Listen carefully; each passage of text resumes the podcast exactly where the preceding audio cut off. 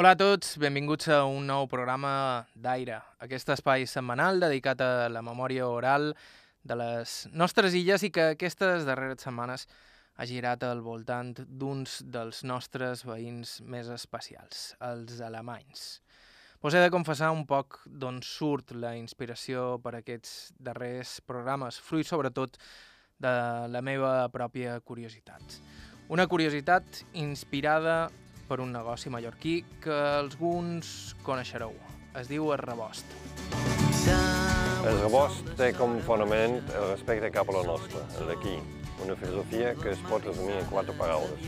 Mallorca, fast, slow, food. Seleccionam... El rebost és un negoci curiós, una empresa liderada per un empresari alemany, Helmut Clemens, que du 20 anys vivint a Mallorca. Malgrat els seus orígens germànics, el rebost és molt mallorquí. Fan llonguets, coca de verdura, els seus locals estan decorats amb roba de llengos i en la seva publicitat fa moltíssim èmfasi en la procedència mallorquina de la majoria dels seus productes. El rebost cuida molt la nostra presentació. Per això estem aquí a Can Tomàtic i Binissalem amb en Bernat Mollà a la cantera eh, on traiem les peres per fer els nostres plats. Plats per al nostre food sandwich. El cas és que, si no sabessis que Helmut Clemens es diu Helmut Clemens i no Toni Ramis i que és alemany, el més lògic és que pensessis que Rebost és la cosa més mallorquina del món, 150% mallorquí o així. I aquí ve la paradoxa. Ha hagut de venir un empresari alemany per posar en valor els nostres productes tradicionals i explotar comercialment plats i menjars que, si ho penseu bé, sempre havien tingut un gran potencial. A Rebost és la clàssica idea que sempre havia estat allà, esperant que algú la materialitzés, i ho ha fet Helmut Clemens, i ell és alemany. I també és mallorquí.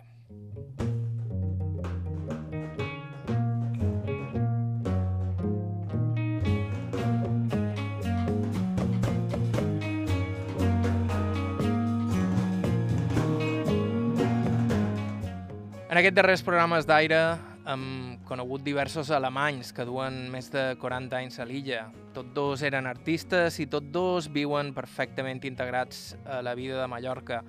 Herbert Schiffel, en una casa tradicional amb plaques solars, lluny de tot a Serracó, Nils Burbitz, el pintor a Vall de Mossa, un poble del qual es pot considerar un ciutadà il·lustre i completament involucrat en la seva quotidianitat, i des d'aquí vos convidam a recuperar tots dos programes. Ja sabeu que els teniu a la ràdio La Carta i vetrestv.com barra ràdio. Avui tancam aquesta trilogia dedicada als residents alemanys amb una altra persona que du dècades residint a l'illa, en concret 50 anys, i que, si bé també té relació amb el món artístic, s'ha dedicat bona part de la seva vida a una feina que tots relacionarem més fàcilment amb els tòpics sobre els alemanys a l'illa, el negoci immobiliari. Ella és Christine Gunther. Cristina Gunther Fay. I ja que hi som, en el programa d'avui també parlarem amb Patrick Schirmer, company del Mallorca Zeitung, que és fill de pare mallorquí i mare alemanya i que potser ens pot ajudar a respondre a la pregunta del milió. Què pensen els residents alemanys dels mallorquins nadius? Jo els alemanys que venen aquí es trob molt raros comparat amb els alemanys que jo coneixia d'Alemanya. Començam.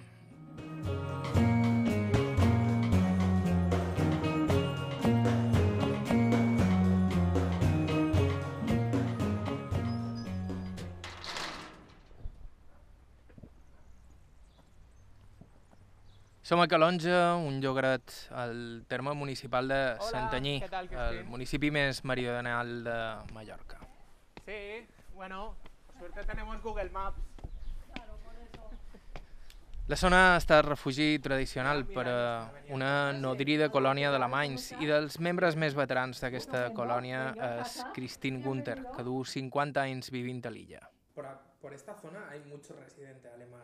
Aquí sí, en Calador hay muchos y muchos propietarios alemanes que tienen eh, apartamentos aquí o que tienen casas o fincas to- prácticamente toda la costa.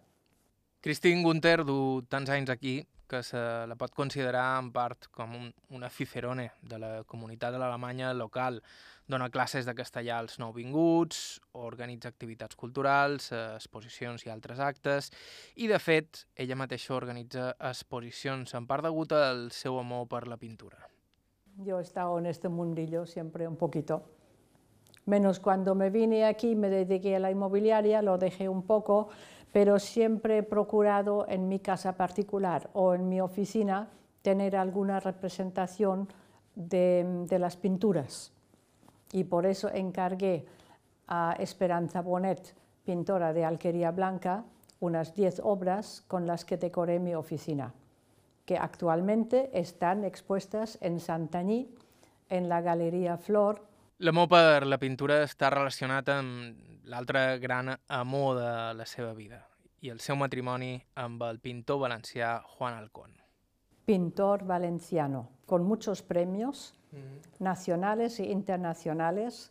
En el año 1973 obtuvo el premio Ciudad de Palma. Na Christine me convida a un tassó d'aigua de gingebre i s'aima a la sala del seu apartament per parlar sobre la seva vida i els seus orígens i com va acabar residint a Mallorca.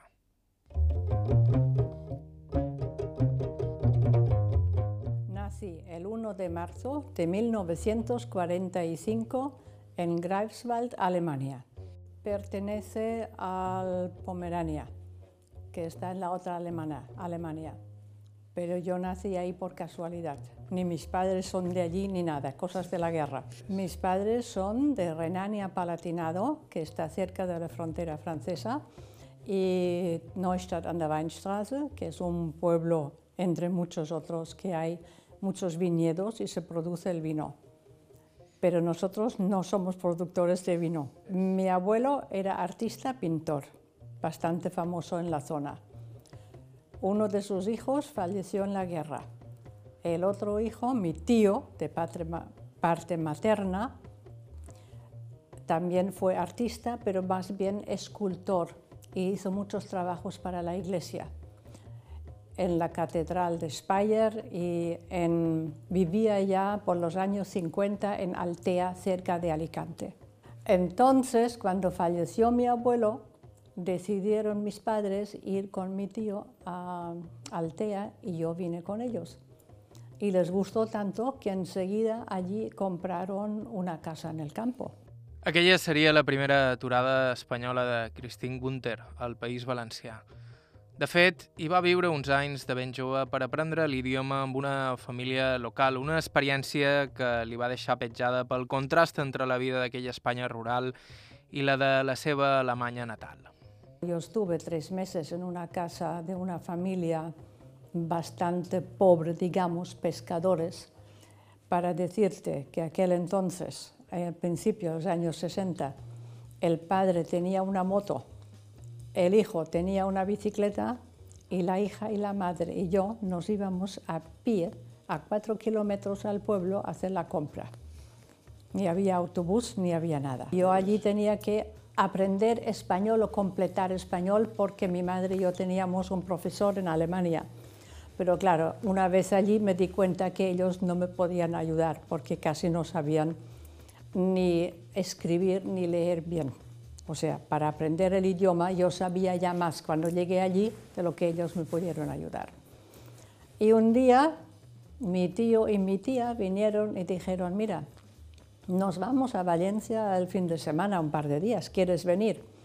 Y yo, sí, sí, sí, sí, estoy encantada, encantada, sí, sí. Salir de aquí, salir de aquí. Me encuentro como encerrada, a la ciudad, a la ciudad. Pues nada, y pasamos allí y visitamos galerías y visitamos em, diferentes pintores. Y entre esos pintores, uno y yo nos caímos bien. ¿Cuántos años tenías? Yo entonces? tendría 17, 18. Ah, vale. Sí, muy jovencita. Y ese pintor pues tenía eh, ocho años más que yo.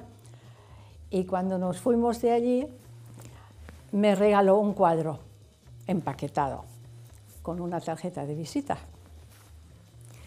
Y cuando llegué al pueblo y quise mostrar ese cuadro, dije, bueno, voy a esperar hasta que estén todos al mediodía sentados alrededor de la mesa y cuando vengan sacaré el cuadro y les mostraré el regalo que me han hecho. Bueno, así lo hice. Y nada, toda la familia allí, saco el cuadro y nadie dice nada. Ni ay, ni o, ni mu, ni nada. Y le digo a Pepita, que era la hija, digo, Pepita, ¿y qué pasa? Que no dicen nada, que no gusta o problema qué. Ella dice, es que en el cuadro no se ve nada. Y digo, ¿cómo no se ve nada? Dice, no, no hay nada. Pues resulta, ese decir no veo nada, era el primer cuadro abstracto que habían visto estas personas tan humildes. Y ahí estaba todo el misterio.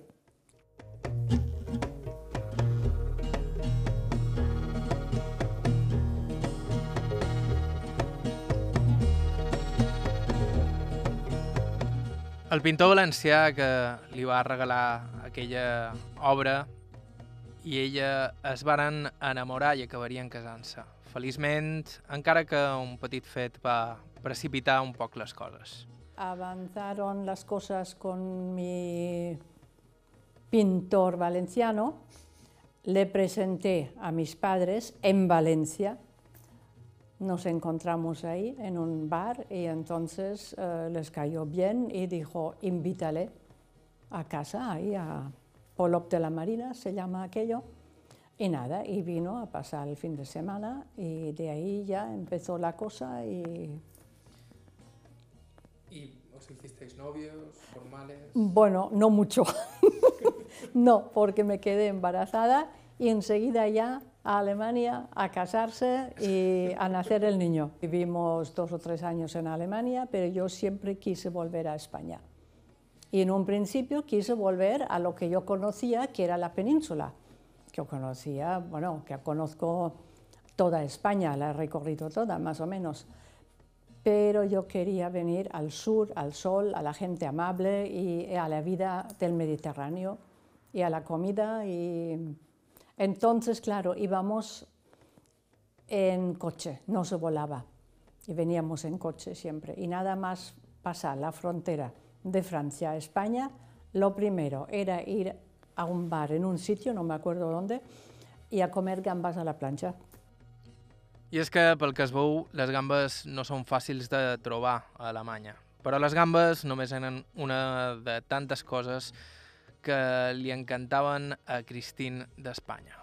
¿Por qué te gustaba tanto es- España? Por la, por, la, por, el- por, por la gente, por la amabilidad, por la luz, por el sol, por la, la forma de vivir. Era otra forma de vivir. Y cada vez que nos íbamos, yo llorando en el coche, por lo menos desde Alicante hasta Valencia, no paraba de llorar. Yo quería quedarme, quedarme, quedarme. Y no me pudo pasar nada mejor en mi vida lo que me pasó. Enamorarme, quedarme embarazada, casarme, estar dos años en Alemania y volver. Així que, després d'estar un temps a Alemanya, com explicava Cristín, aquest jove matrimoni volia tornar a Espanya, en principi de nou a València, però la casualitat els va posar davant la possibilitat de viure a Mallorca. Había unas familiares aquí por parte de mi suegra, que era mallorquina, había una casa por aquí. Y entonces esta casa estaba la mitad alquilada, la mitad libre, y nos metimos allí, cerca de la carretera de Valdemosa. Y ahí arreglamos y vivimos, y cuando se fueron los inquilinos cogimos todo, y ahí, muy bien, perfecto. ¿Qué año era cuando llegasteis a Mallorca? El 68. Y llegamos en barco y llegamos abajo a la catedral y solamente había un camino de tierra, no había asfalto, estrecho. Esto fue entonces. Ni había el Parque de la Mar, ni había carretera, ni autopista, ni nada. Esto mucha gente ya no lo conoce.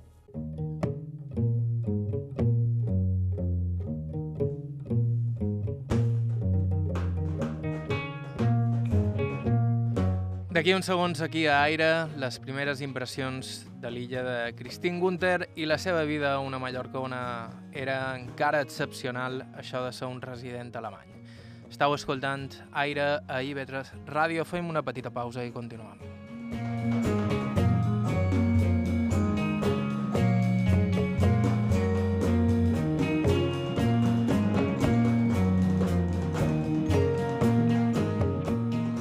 A IB3 Ràdio, Aire, amb Joan Cabot.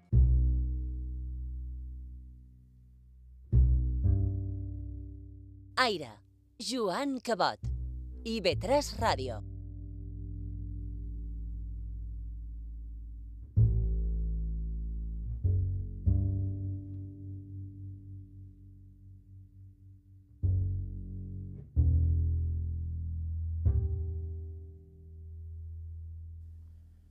Hola de nou, estàu escoltant Aire, això és IB3 Ràdio.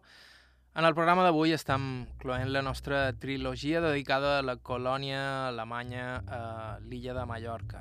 Estàvem escoltant la veu de Christine Gunther, que du més de 50 anys vivint-hi i que s'ha convertit en un dels pilars de la comunitat germànica a la zona de Santanyí. Com han comentat al principi del programa d'avui i després de dos programes anteriors en què els nostres protagonistes han estat artistes, potser Christine respon més al retrat que ens feim mentalment dels alemanys a les illes. En tot cas, els tòpics són sempre imperfectes i sobretot incomplets. Us presenta Patrick Schirmer. Ell és periodista del Mallorca Zeitung, així que té un peu a cada món, el de l'actualitat de l'illa i el de la vida quotidiana de la colònia alemanya. El xoc cultural sí que va venir de qualque forma quan jo vaig venir aquí i em vaig donar compte quantes coses alemanes hi ha aquí, perquè clar, des d'Alemanya sempre xerren de Mallorca i, i està, està molt present en els mitjans eh, de comunicació, però arribar aquí i veure quantes influències en quantes parts, això, això me va impactar. Com heu sentit, um, Patrick parla un català perfecte i això té una explicació bastant fàcil. Bé, mon pare és alemany, mon mare és mallorquina i jo ara fa tres anys que visc aquí, quasi. Però sempre veníem a visitar la família, jo tinc família a Petra i anàvem cada any de vegades en l'estiu, de vegades en març, eh, perquè també tenim dues setmanes de vacances eh, allà. I per això, clar, els primers anys de la meva vida sempre tenia una, aquesta relació de, de, de vacances a Mallorca i, i ara pues, fa tres anys que, que visc aquí i, i conec més el dia, el dia a dia. Així que en Patrick és la persona perfecta a qui fer-li la pregunta del milió.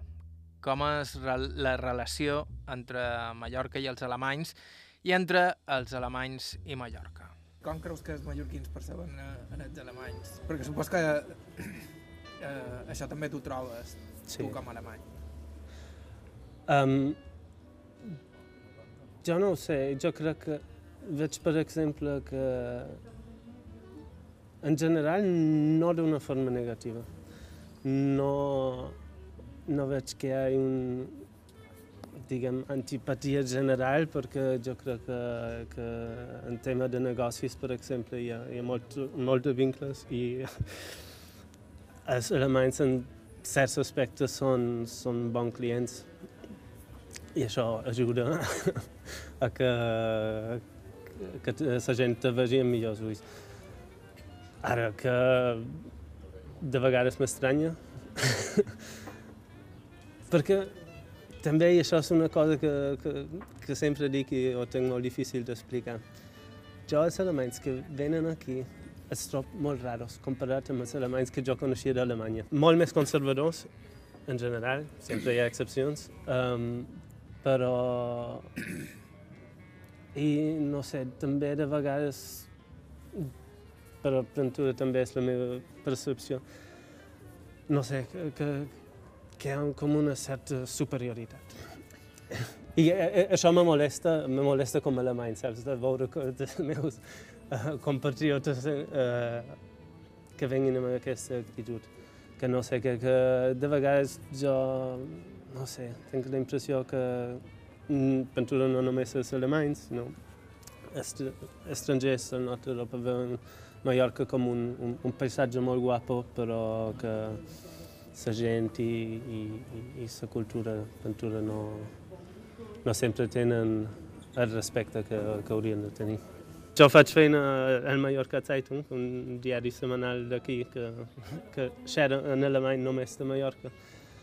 Per això, diguem, part de la meva feina també és crear, no sé, vincles, no? d'explicar aquesta illa en els alemanys. Aquesta, diguem, una de les tasques que ens eh, posam com diari.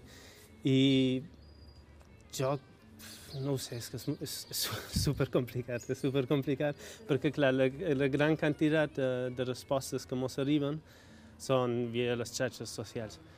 Però les xarxes són un lloc on va gent que no realment, crec jo, és la meva teoria, que no té vida. Que no té vida, que està emprenyada, que està avorrida i que... I clar, per això tenim gran part de, així de comentaris o coses que ens diuen que són super negatives, i els mallorquins són tal, i no sé què, i ens enganyen, i no sé què, i, i ara especialment aquest govern d'esquerres, que no sé què. és molt depriment. Hi ha un tema espinós en les relacions entre els locals i els estrangers residents a l'illa, el tema de la llengua. En Patrick m'explica que molts alemanys quan s'instal·len aquí els costa fer-se la idea que a l'illa s'hi parlen dues llengües i el fet que els mateixos mallorquins no ens posem d'acord al respecte contribueix a que sovint tirin pel dret i només aprenguin el castellà. Jo crec, per, per les coses que ens arriben, que, que el tema de, de l'idioma, per exemple, és, és supercomplicat d'entendre. Jo crec que i, però llavors també veus molts alemanys que, que en realitat els veies com, no sé, que ven negatiu, que al final diuen, no, és que ara ja tinc fills o nets aquí, que viuen aquí, i que xerren també, i ara també ho vull aprendre. Saps que, que es tarda molt, i clar, hi ha casos que no, hi ha casos que, que s'integren super aviat, ho veuen com una imposició, crec. Una imposició que, que, que no entenen per què, i, i jo per certa banda també l'entenc per certa part, perquè jo, clar, ah, els meus pares sempre, els dos, fins ara me en castellà. I el mallorquí el vaig aprendre venint aquí i perquè realment als anys 90 Petra havia, havia de xerrar el mallorquí o, o no, no feies molt d'amics eh, amb els altres nins perquè tothom xerrava, xerrava mallorquí.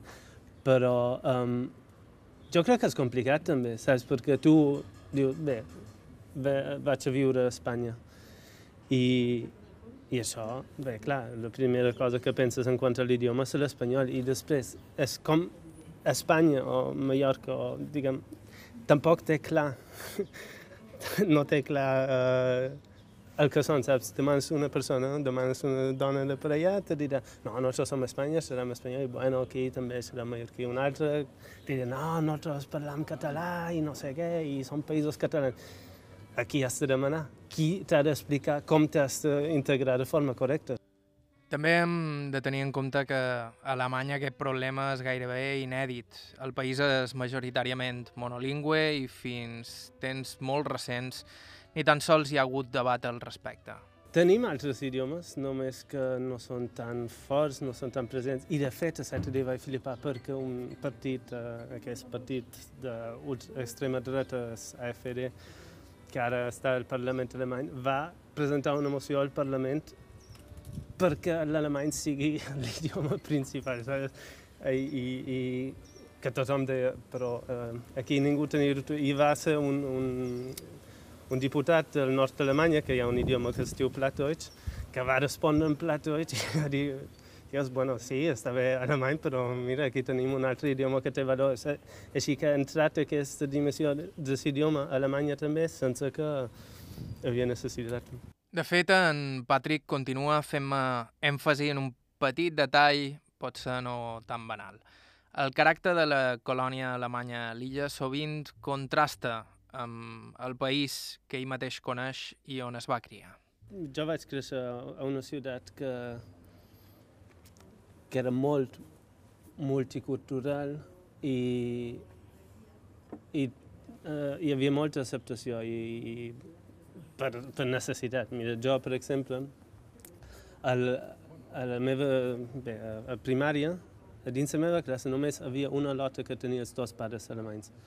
O eren pares estrangers o eren... Uh, I això era normal. I per això jo sempre vaig percebre Alemanya com un país molt obert, que clar que hi havia gent que no, però els feia la minoria. I clar, i tens gent que diu, no, però no sé què.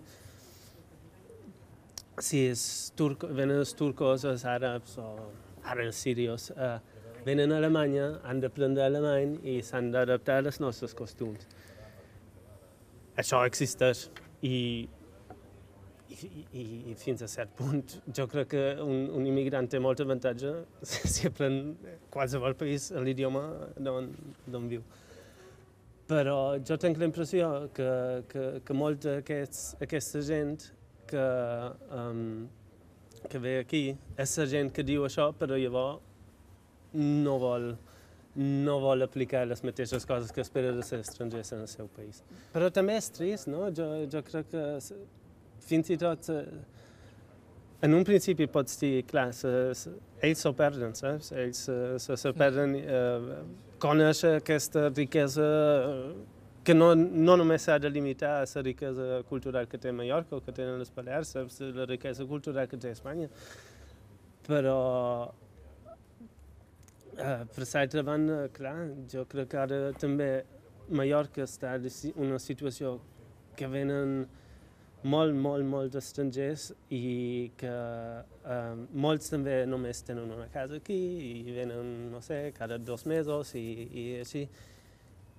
I això fa molt difícil, no sé, per, crec per una societat que, que, que avanci, saps? Perquè jo crec que, un, que, que venguin estrangers sempre és, un, sempre és una riquesa. Eh, eh, sempre dona nous aspectes, dona noves eh, possibilitats de conèixer altres maneres de viure. Però, clar, també hi ha d'haver una voluntat per, per les dues bandes. Mira com ho fan amb tots, eh, no sé, amb tota precaució, eh, precaució per lo que està passant ara, però com ho fa als Estats Units, no? Els Estats Units convida a la gent que va viure allà a sentir-se com membres d'aquest país. En el fons, me comenta en Patrick, és obvi que hi ha dues castes d'immigrants, els immigrants rics del nord i els immigrants pobres del sud, i les condicions econòmiques, en aquest cas, ho canvien completament tot.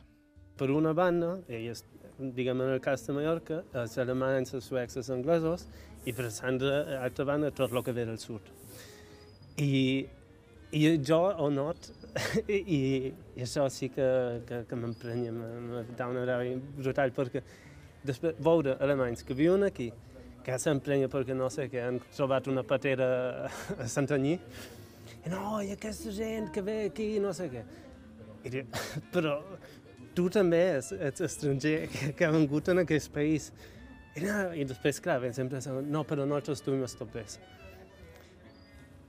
I això Perdona, però això és d'una falta de, de respecte i de d'humanitat bàsica que, que, que flipes.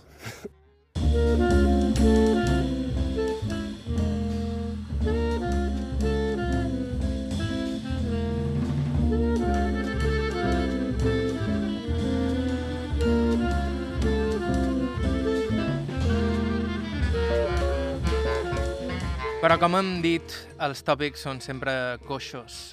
Molts no són tots, i de fet, com més parla amb en Patrick, més me que intentar descobrir què pensen els alemanys de nosaltres és una empresa fútil, a no ser que vulgui entrevistar-los tots i cada un i fer-los la mateixa pregunta. Al cap i a la fi, tot lloc comú està plegat d'excepcions. Jo crec que hi ha exemples de, de, de persones aquí, d'alemanys a Mallorca, que, que contribueix molt. però també perquè ells volien, saps? I jo crec que... I, i jo m'agradaria veure que, que ja que nosaltres som aquí, o els alemanys són aquí, eh, com vulguis dir, um, que hi hagués més gent que faci aquest esforç. Mm. Perquè jo crec que pot tenir moltes avantatges. I clar, és una immigració, per exemple, no sé, a Alemanya tenim una comunitat turca molt gran i va venir baix altres condicions que, que els alemanys aquí. Està molt clar, però, però també jo trobo que ens ha donat moltes avantatges, no només perquè no sé, fan feines que pintura els alemanys no farien, o almenys en el principi, però també perquè ens diguem, tot això que, que, que mos aporten, que pintura quasi no ens tenem compte, és un valor, és un valor afegit. Com han comentat, Patrick Schirmer fa feina a la secció de cultura del Mallorca Zeitung i si ens coneixem és precisament perquè ell sempre ha intentat parlar de la cultura de l'illa, un públic alemany, intentant desbocar aquella barrera invisible que hi ha entre dos mons paral·lels. Jo crec que mm, per la meva feina serà mallorquí té moltes avantatges. Anar allà, ja, especialment si, si no a Palma. Anar allà i, i poder serà, no sé, poder serà mallorquí, la gent, hòstia, jo crec que he tingut entrevistes que pintura no, no haguessin funcionat. Si, o no d'aquesta forma, almenys, si, si no hagués estat per això.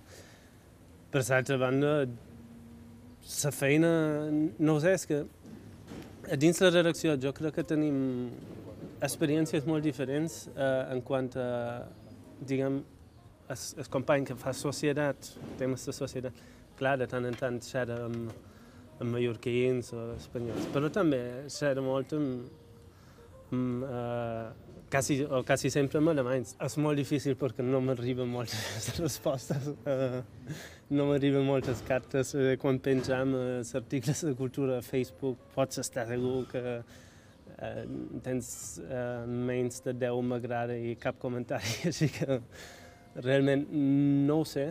Supos no... que les notícies de política tenen molt, molta més resposta. A que sí, de vegades, per, um, per exemple, jo no sé, ja fa dos anys crec que vaig fer un, un reportatge sobre Can Timoner, en Santanyí. I ja sí, després vaig anar i em van dir, no, és que va venir molta gent amb el teu article i, i volien veure la casa i tot això. I això me fa content, però eh, és una de les poques reaccions que realment he tingut.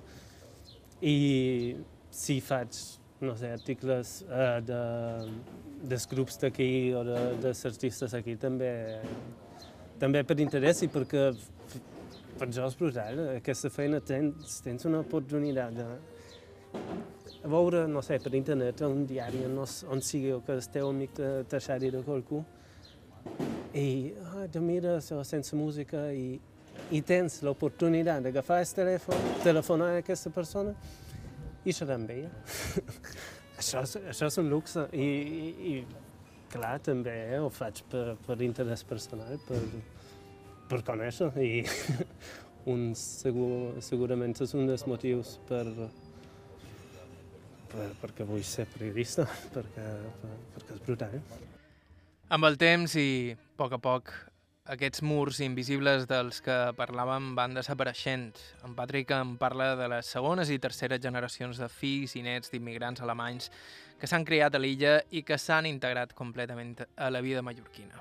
Els fills o nets que, d'alemanys que viuen aquí dubto que, que hi hagi molts que no, no estiguin integrats. Fa Sí, l'any passat per Sant Antoni vaig anar a Artà per fer un reportatge que havia, que havia de fer. I no sé, me vaig trobar qualcú que coneixia, ah, no sé què, mira, Patrick, tal, és alemany, que... Ah, I va cridar un, un olot que...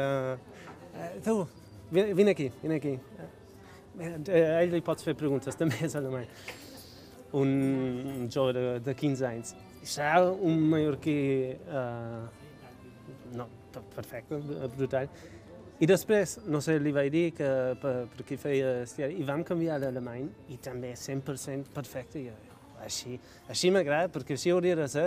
Seria trist que, tota aquesta gent perdi les seves reals alemanes, perquè es dona avantatges. Jo he crescut a Alemanya amb pares que m'han xerrat en castellà i sé que créixer amb dos idiomes és, és brutal. Uh, um, però, diguem, pràcticament tots els nins o joves que, que he conegut, que, que han crescut aquí, no se senten com mallorquins i jo ja no, no veig, no veig que, que hi hagi massa conflicte.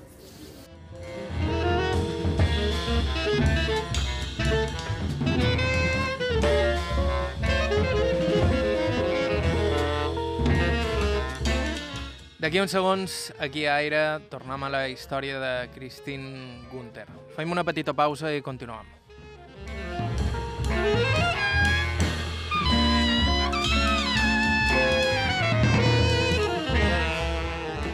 Aire, Joan Cabot.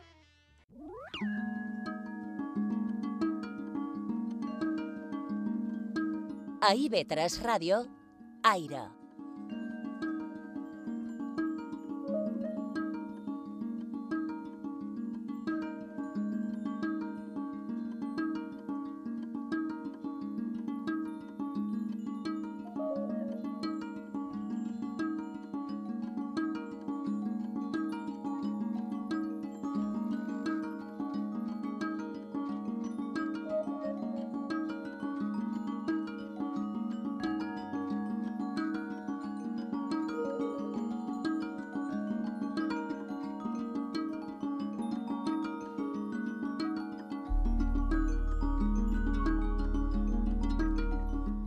Hola de nou, darrer tram del programa d'avui aquí a Aire, esteu escoltant IB3 Ràdio.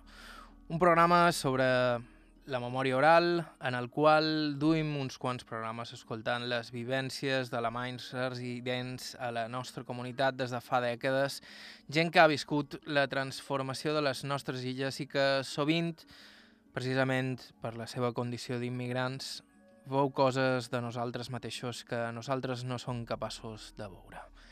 Christine Gunther ens explicava al principi del programa d'avui com es va enamorar del clima i el caràcter mediterranis i com va conèixer un pintor valencià del qual es va també enamorar. L'any 1968 arribaven a Mallorca per ocupar una casa d'un familiar del seu marit a la carretera de Valldemosa i des de llavors mai ha abandonat l'illa tot i que la seva primera impressió de Mallorca potser no presagiava. ¿Qué es lo primero que pensaste de, de la isla cuando llegaste? Bueno, la entrada a la bahía de Palma es impresionante y bonita, con la catedral y con Santa Eulalia es una maravilla. Lo que pasa es que al llegar a la ciudad veía que aquello estaba como, como un pueblo, como un pueblo un poco destartalado, diferente a los pueblos alemanes, que está todo limpio, impecable, las carreteras asfaltadas, las calles, y aquí todo era mucho, mucho polvo. ¿Y uh, os instalasteis en Valldemosa?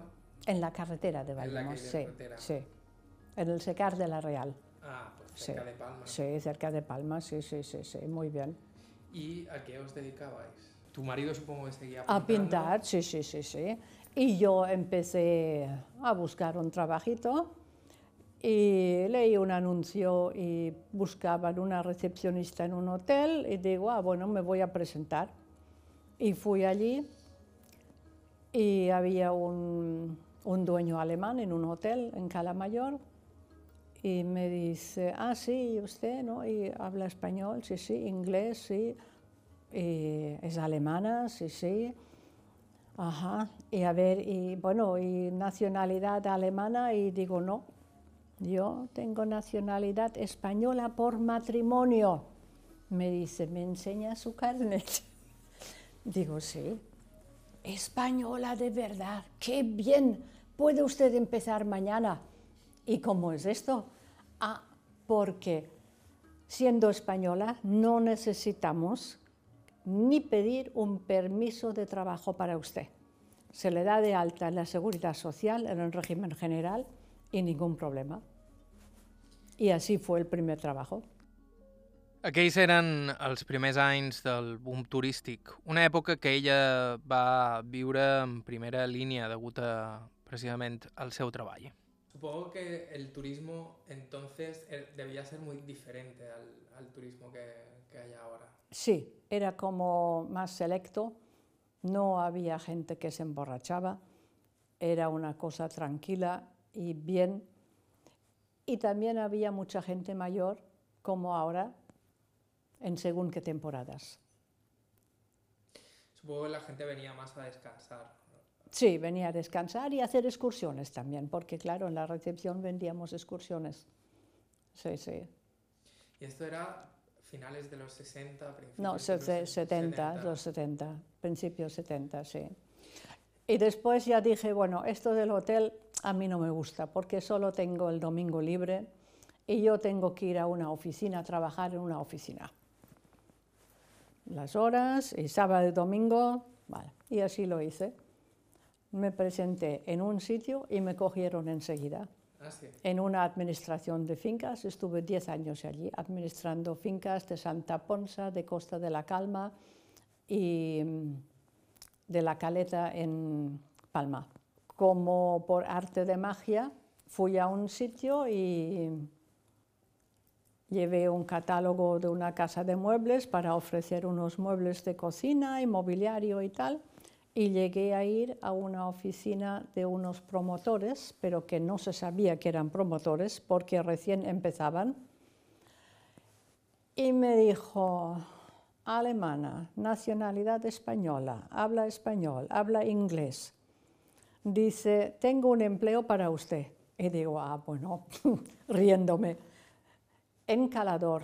Y digo, ah, yo Calador, ni hablar, eso está lejos. Esto yo no he estado nunca en Calador, está muy lejos de Palma. Y me dice, sí, porque ahí estamos haciendo una promoción en el puerto y vamos a empezar ahora. No hemos empezado ni siquiera la, excavación, pero ya tenemos todo ahí controlado. Bueno, bueno, véngase un día, véngase un día y yo le muestro aquello. Aquest fet marca l'inici de la carrera d'Anna Cristina en el món. De fet, va acabar obrint el seu propi negoci realment pròsper durant moltíssims anys. Y nada, vine un día, miré aquello y me hicieron una oferta inmejorable, pero no fue solo por la remuneración que me fui, sino que 10 años trabajando en el mismo sitio, ya te lo conoces todo. Y siempre es lo mismo, es como una rutina. Y yo necesito diversidad, necesito variación, necesito intercambio con personas.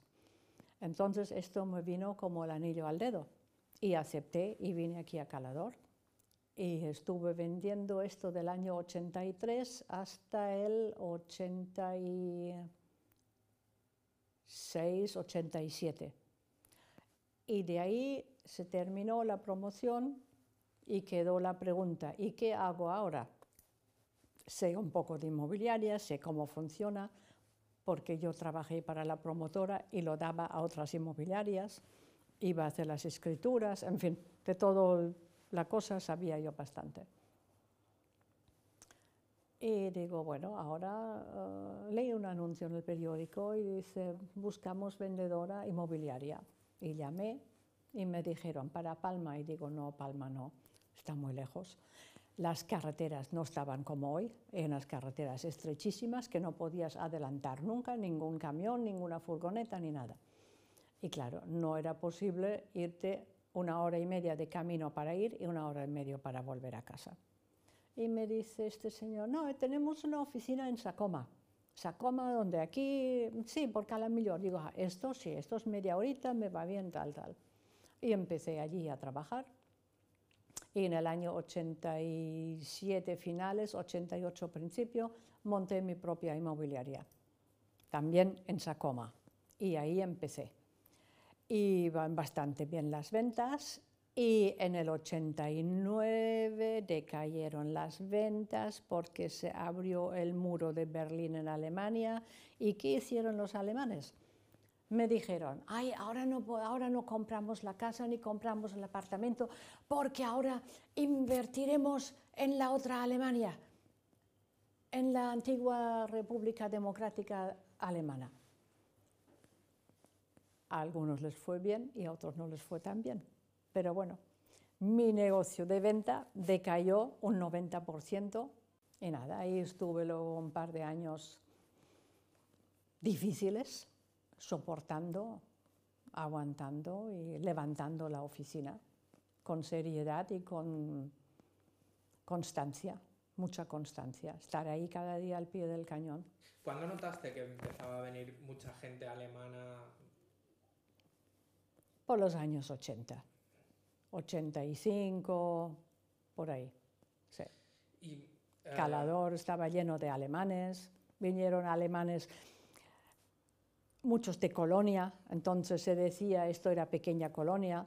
Anteriormente en Paguera habían muchos de Berlín y se llamaba pequeño Berlín y así de según qué ciudades venían, pues se juntaban y traían más y traían más. Un amigo trae otro amigo y trae la familia y trae más cosas. Y algunos montaron negocios, pero mayor, mayoritariamente um, venían de vacaciones en hoteles. Pero eso es debido a que en Alemania, donde trabajan y cómo trabajan, tienen cada año X semanas y siempre las mismas. Entonces, si les gusta un sitio, vuelven. Yo recuerdo en los años 60, esto estaba lleno um, de ingleses, casi solo había ingleses. Alemanes había muy, muy pocos. 60, 70, los alemanes no vinieron hasta el año 80. I aquí és quan li demanen a Christine sobre les diferències entre les nostres cultures. Per una banda, la germànica i per l'altra, la mediterrània, tan donada a parlar de manera abstracta del temps. Tot això de demà en parlam, ja ens veurem, etc. Però bé, tu, que també tenim algunes coses bones. Lo que pasa es que en Alemania eso de mañana y ya veremos no existe. O es hoy, o es el martes, o es el, el, viernes a tal hora, pero nada ya veremos, no. Y eso es difícil de entender, claro. Y llegan aquí, y yo siempre digo una cosa, bueno, venís aquí los alemanes, porque claro, yo ya me considero de la isla, yo digo, cuando llegan los alemanes, lo que quieren es sol, buena comida, y todo que sea, el resto que sea igual de funcional o de, de, de, perfecto como en Alemania. Y eso aquí no se puede pedir. Sino para qué van a venir.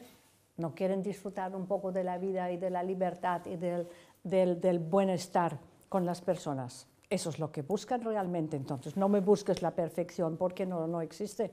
Los mallorquines, una vez te han acogido, te han acogido en el seno familiar o en el seno de la amistad, y de ahí ya no hay ningún problema. Cuando saben quién eres y cómo eres y que eres correcta y te portas bien, todo es una maravilla.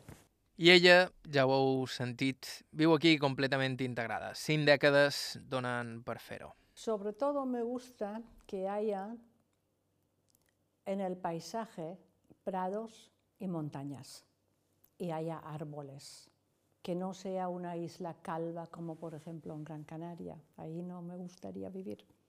Yo necesito vegetación a mi alrededor. Ya solo la vista que tengo de aquí para Calador me alegra cada día la vista cuando miro aquí fuera la palmera de aquí, el país que trabaja eh, su poco de terreno ahí delante y luego veo Calador, las casas blancas y el mar. Y eso es una maravilla. ¿A los alemanes les interesa la cultura de aquí? Sí, también mucho. ¿no? Hay muchos que les gusta la música, hay otros que les gusta la pintura y, y también los buenos restaurantes. O comer bien, que no siempre significa comer caro. ¿Qué es lo que más te gusta comer a ti? A mí me encanta la lechona. Me encantan los callos, que los alemanes no los comen. El cordero también me gusta. Me gustan mucho las sopas mallorquinas. Me encantan. Los caracoles también. Con los caracoles hay una cosa muy graciosa, porque en Alemania sí, dicen, dicen comer caracoles, pero bueno, El comer caracoles en Alemania es comer caracoles a la francesa, que significa que te dan un plato de 6 o de 12 caracoles en un platito con unos tenedores y unas pinzas especiales sí, y un poco de mm, eh, mantequilla con ajo y perejil, que es Que mata... horrible porque es tan graso que no se puede comer y además quema el caracol y el caracol te sale cuando lo sacas ahí con un tenedorcito de estos especiales, el caracol está seco ya.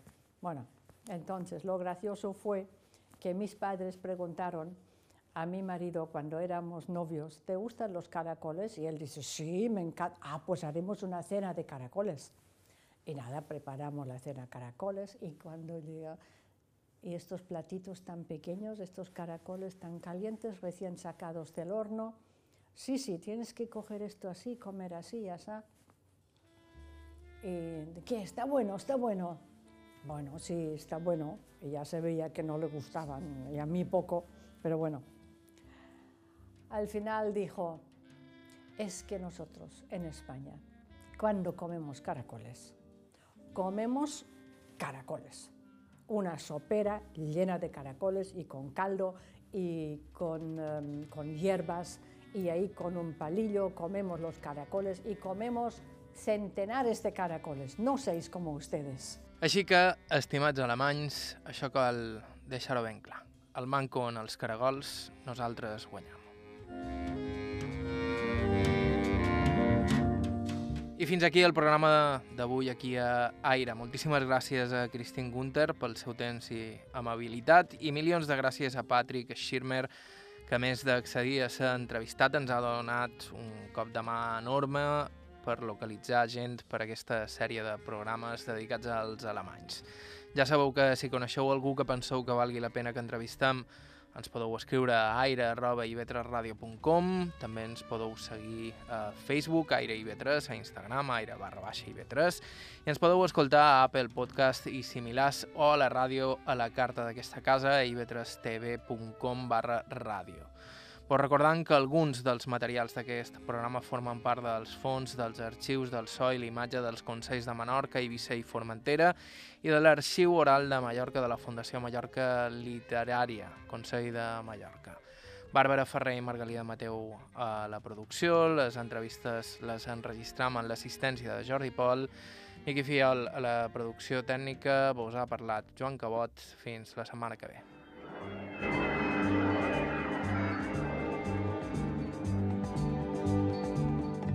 Wind Nordost Startbahn 03.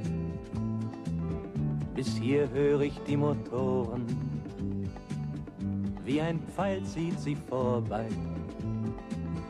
Und es dröhnt in meinen Ohren. Und der nasse Asphalt bebt.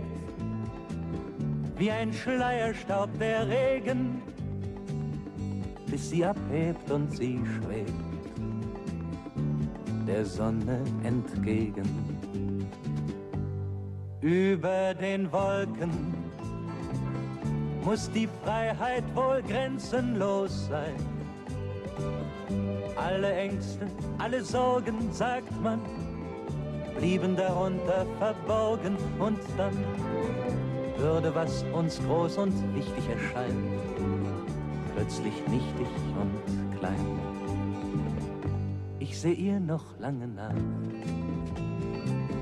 Seh sie die Wolken erklimmen, bis die Lichter nach und nach ganz im Regengrau verschwimmen.